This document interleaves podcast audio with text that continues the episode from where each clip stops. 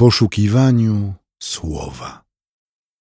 Rozważanie pisma prowadzi ksiądz Piotr Gaś, Kościół Świętej Trójcy w Warszawie. Łaska i pokój od tego, który był, który jest i który przychodzi, niech będą z Wami wszystkimi teraz i zawsze. Amen. W Ewangelii według przekazu Łukasza w 18 rozdziale czytamy dobrą nowinę tej niedzieli. Opowiedział im Jezus przypowieść o tym, że zawsze powinni się modlić i nie przestawać. Mówił: W pewnym mieście mieszkał sędzia, który nie bał się Boga i nie liczył się z ludźmi. W tym samym mieście żyła też wdowa, która przychodziła do niego i nalegała: Obroń mnie przed moim wrogiem. Przez jakiś czas nie chciał, ale w końcu powiedział do siebie: Chociaż Boga się nie boję, a z ludźmi się nie liczę, to jednak wezmę ją w obronę z powodu jej natarczywości. Niech mnie ciągle nie nachodzi i nie dręczy. Pan dodał: Słuchajcie, co mówi ten niesprawiedliwy sędzia. Czy Bóg nie obroni swoich wybranych, którzy wołają do Niego dniem i nocą? Czy będzie długo zwlekał? Mówię Wam, że natychmiast weźmie ich w obronę. Czy jednak Syn Człowieczy zastanie wiarę na ziemi, gdy przyjdzie? Panie Jezu Chryste, prosimy, pobłogosław naszemu rozważaniu. Słowo Twoje jest prawdą. Niech stanie się światłością w naszym życiu. Amen.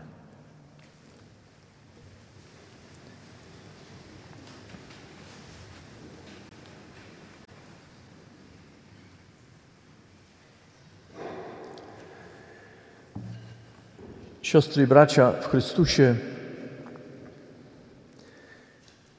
ostatnie niedziele roku kościelnego przypominają nam o sądzie Bożym. I przyznajmy, że chociaż nie chcę Was do niczego nakłaniać czy zmuszać, ale mam takie wrażenie, że kiedy myślimy o sądzie Bożym i śpiewamy pieśni o sądzie Bożym, nie są to najbardziej ulubione teksty, które chcielibyśmy śpiewać. Sąd Boży kojarzymy, no właśnie, przede wszystkim z rozliczeniem, a to wywołuje w nas lęk. Chyba, że należymy jak niesprawiedliwy sędzia do ludzi, którzy się ani Boga, ani człowieka nie boją. Chociaż, dodam, kiedy wsłuchamy się w słowo apostoła,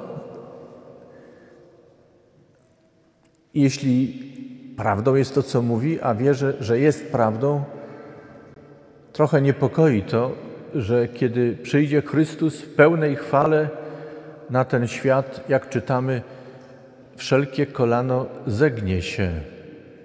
Wszelkie. To znaczy także tych, którzy dziś Boga nie boją się i z człowiekiem się nie liczą, tych kolano też się zegnie. Co więcej, w innym miejscu Chrystus zapowiada, że wielu będzie wołać: Góry, pagórki, przykryjcie nas. Będą szukali schronienia przed przenikliwym Bożym sądzącym spojrzeniem.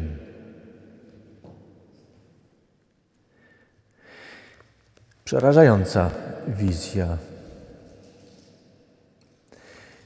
Sięgnijmy, siostry i bracia, do najpierw Starego i później Nowego Testamentu i chcielibyśmy sobie przypomnieć, że Biblia mówi o Bogu miłości i mówi także o Bogu sądzącym. Rodzi się oczywiście pytanie, czy te dwa obrazy Boga miłości i Boga sądzącego nie wykluczają się, skoro boimy się Boga sądzącego. Kiedy przejrzymy teksty Starego Testamentu, zauważymy, że Bóg, sądzący Bóg, jest pokazany jako ten, który bierze w obronę skrzywdzonych. Bo taka jest rola sędziego brać w obronę skrzywdzonych. Sędziego boją się ci, którzy krzywdzą, którzy są nieprawi. Ale skrzywdzeni idą do sędziego, bo szukają jego pomocy, oczekują sprawiedliwości, oczekują obrony przed tymi, którzy krzywdzą. Ciekawe, że w Izraelu nie znano takiej instytucji sędziego, jaką my znamy. Wiele zmieniało się na przestrzeni wieków, tysiącleci, ale jedno zawsze było wspólne. Oczekiwano, że przed sędzią można położyć swoją sprawę, dowodzić swoich racji, a prawy sędzia weźmie w obronę skrzywdzonego. Tak myślano o Bogu, który jest sędzią. Niech więc boją się wszyscy, którzy krzywdzą, którzy nie tylko nie liczą się z, z Bogiem, ale także lekceważą człowieka. Ci niech się boją. Skrzywdzeni niech przychodzą ze swoją sprawą do Boga, który jest sprawiedliwy i dobry. Czy mamy takie wyobrażenie o Bogu?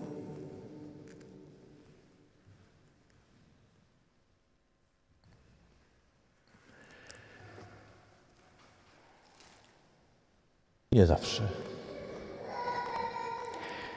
Nie zawsze także z tego powodu, że już w Starym, a potem w Nowym Testamencie czytamy, że nie zawsze sędzia brał w obronę skrzywdzonego. Nie zawsze sędzia był sprawiedliwy. Czasem był stronniczy.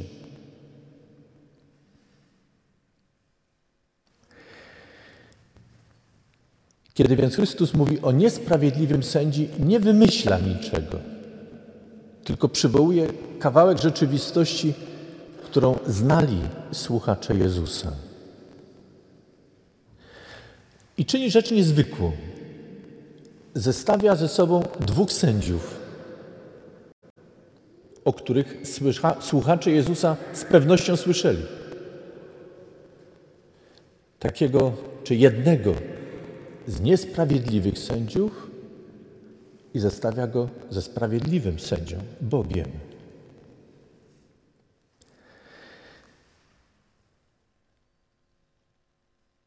Bohaterem przypowieści o niesprawiedliwym sędzi, wbrew pozorom, nie jest niesprawiedliwy sędzia, ale sam Bóg. I stawia swoich słuchaczy Pan Jezus przed pytaniem: czy sądzicie, że sędzia, który jest niesprawiedliwy, nie liczy się z Bogiem i z drugim człowiekiem, ale jest, jest zdolny do ludzkiego odruchu, chociażby dlatego, żeby nie doznać zniewagi ze strony wdowy? Czy sądzicie, że ktoś taki jest lepszy od Boga? Absurd.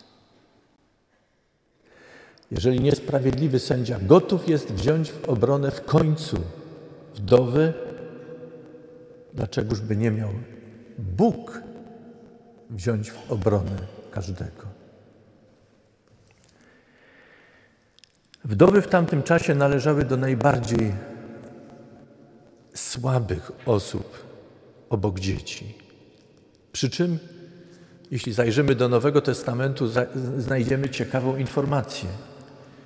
Wdowami były nie te kobiety, które straciły męża. W każdym razie to nie było jedyne kryterium, by nazwać kobietę wdową. Wdową była ta, która straciła męża i nie miała rodziny, która by się mogła nią zaopiekować. Można więc domniemywać, a nawet być pewną i pewnym, że Chrystus mówi o kobiecie, która nie tylko straciła męża, ale nie miała nikogo, kto by ją bronił, kto mógłby się nią zaopiekować. Jeśli człowiek, który liczy się z Bogiem i drugim człowiekiem, jest gotów nieść pomoc, Bóg byłby bardziej niewrażliwy, nieczuły? Umiłowani w Panu. Chrystus zachęca, módlmy się, trwajmy w modlitwie i nie ustawajmy. Od wieków toczy się dyskusja w Kościele, co znaczy modlić się modlitwą nieustającą. Zastanawiali się nad tym mnisi, ojcowie pustyni. Zastanawiali się na przestrzeni wieków teolodzy, zastanawiają się po dzień dzisiejszy współcześni chrześcijanie. Niektórzy próbują tworzyć taki łańcuch modlitewny, tak aby nigdy modlitwa się nie zakończyła. Wyznaczają sobie terminy i robią swego rodzaju w cudzysłowie maraton modlitewny. Niewątpliwie modlitwa, wspólnotowa modlitwa, także tego rodzaju straż modlitewna ma swoją wartość, ma swój sens. Ale uwaga, nie znajdziemy nigdzie w Piśmie Świętym informacji, które mogłyby nas przekonać, czy pozwalałyby nam stwierdzić, że dla liczby modlitw, dla długości modlitwy, dla wielomówności w modlitwie Bóg wysłuchuje. A już broń Boże, nie znajdziemy żadnych tekstów, które by pozwalały nam przypuszczać, że Boga można przekonać, czy wręcz przymusić, żeby dla modlitw naszych nam coś dał. Jeśli sięgamy do wzorców modlitwy, to jednym z najdoskonalszych wzorców albo najdoskonalszym wzorcem modlitwy jest sam Pan Jezus Chrystus. Pamiętacie Jego modlitwę w ogrodzie Getsemani? Nie modlił się, musisz mi dać. Nie szantażował Ojca Niebieskiego, jeśli mi nie dasz, to będzie oznaczało, że mnie nie miłujesz, tak jak zapewniałeś mnie, czy zapewniasz. Jak Chrystus modlił się? Jeśli to możliwe, niech mnie ten kielich ominie. Wszakże nie moja, ale Twoja wola niechaj się stanie.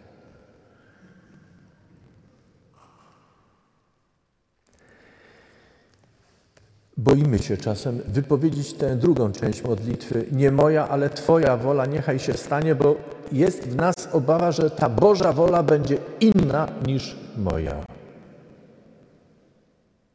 A nam czasem bardzo na czymś zależy, kiedy modlimy się.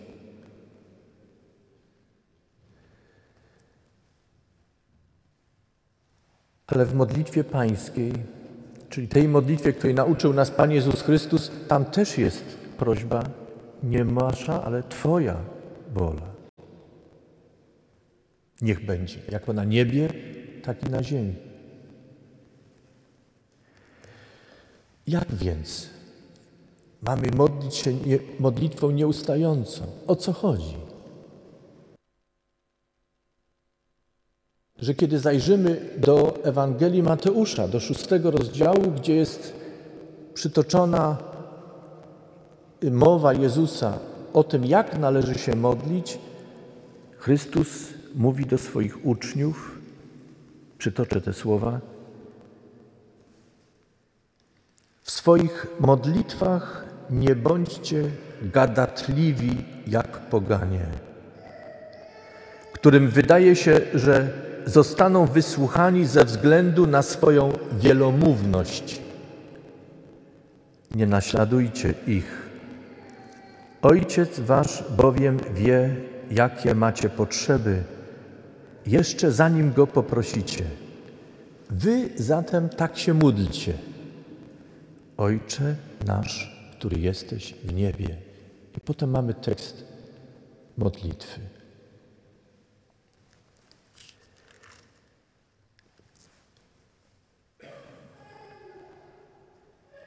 Nie dla gadatliwości, nie dla wielomówności.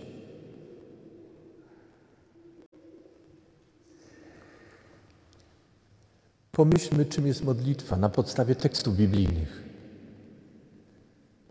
Modlitwa jest zwróceniem się do Boga.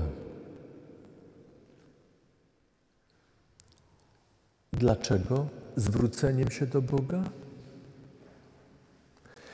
Bo w modlitwie wyznajemy, że to On jest dawcą wszelkich dobrych darów, Bóg, a my korzystającymi z tych darów. Że On jest szczodry, On jest dobry. I nie wolno go podejrzewać o to, że może być gorszy od niesprawiedliwego sędziego i nie da swoim dzieciom tego, co dobre.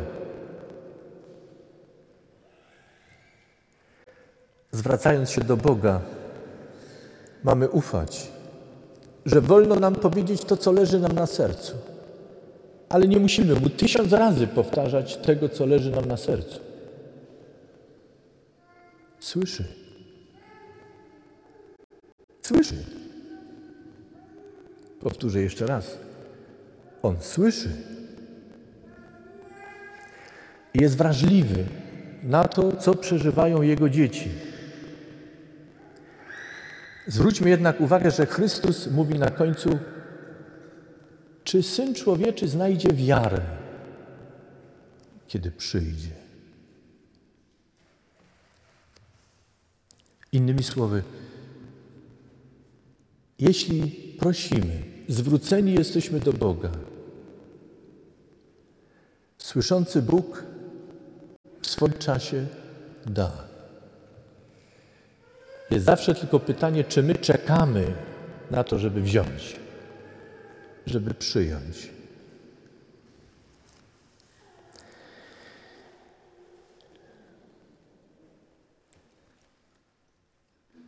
W minionym tygodniu mieliśmy ciekawą rozmowę, w której dzieląc się swoimi doświadczeniami, usłyszeliśmy, że jest ktoś, kto pyta, ale nie czeka na odpowiedź, tylko stawia następne pytanie.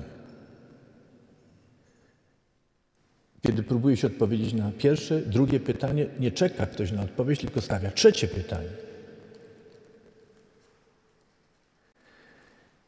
Dlaczego przytaczam autentyczne zdarzenie?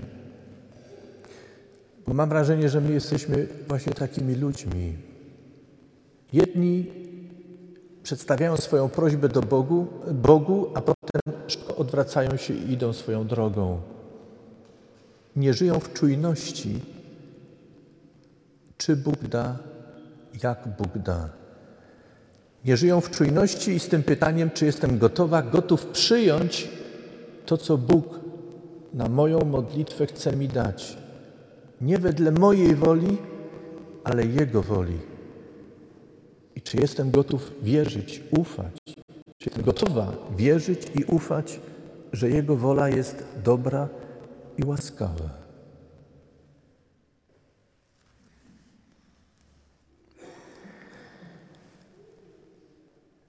Dzieciom czasem tłumaczę, ale i dorosłym też przypominam, że zwracając się do Boga w modlitwie, to zawsze jest przychodzenie do Boga z pustymi rękami. Nawet gdybyśmy mieli wszystko mieć.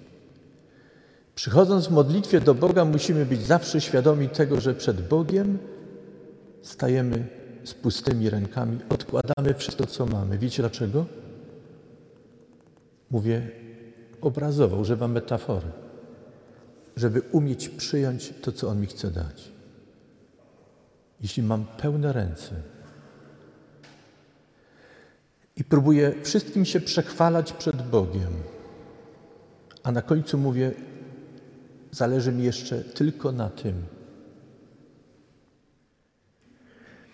i nie mam miejsca w swoich rękach, by przyjąć to, co mi daje, zawsze będę niezadowolony, rozczarowany.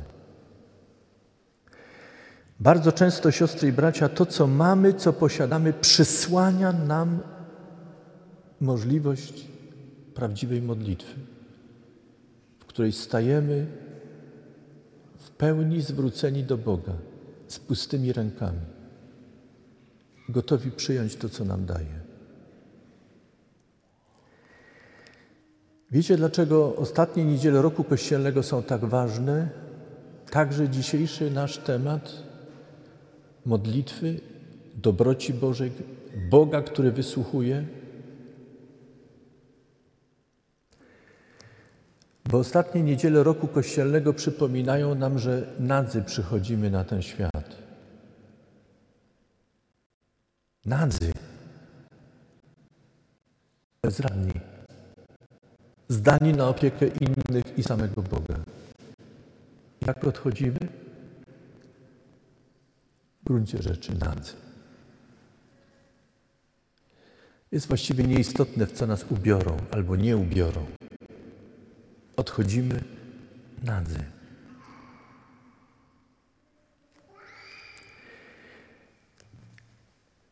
Jest taki tekst w Nowym Testamencie, słowo Chrystusa, który mówi: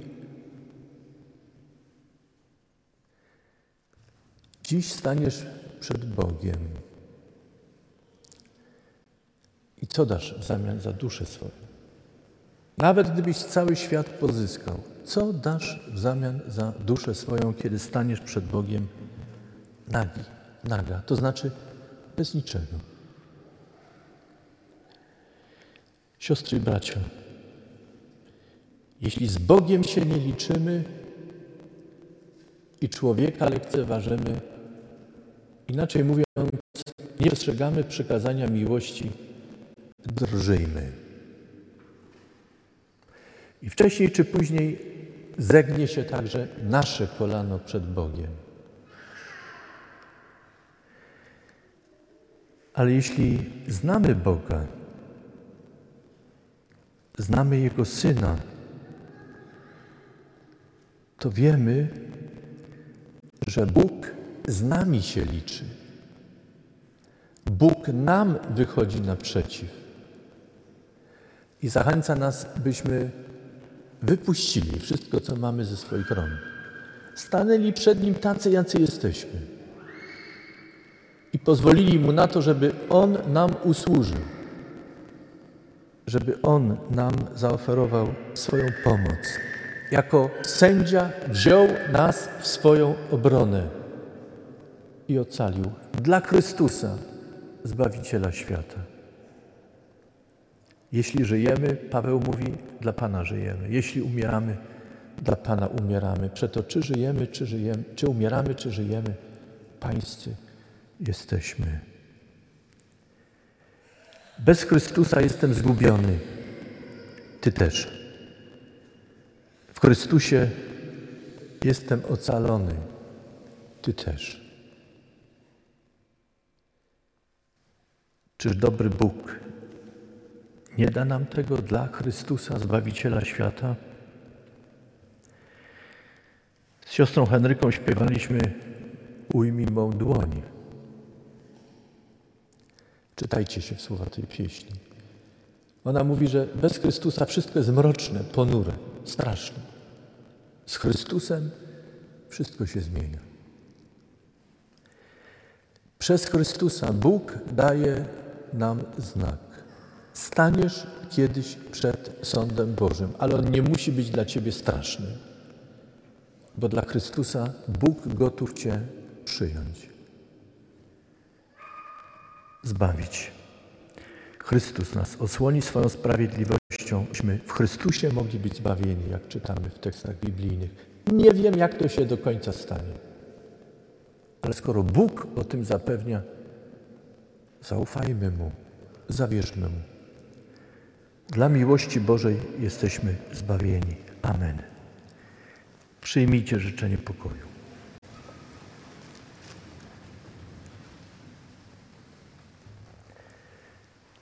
A pokój Boży, który przewyższa wszelkie zrozumienie, niechaj strzeże serc i myśli naszych w Chrystusie Jezusie, Panu i Zbawicielu naszym.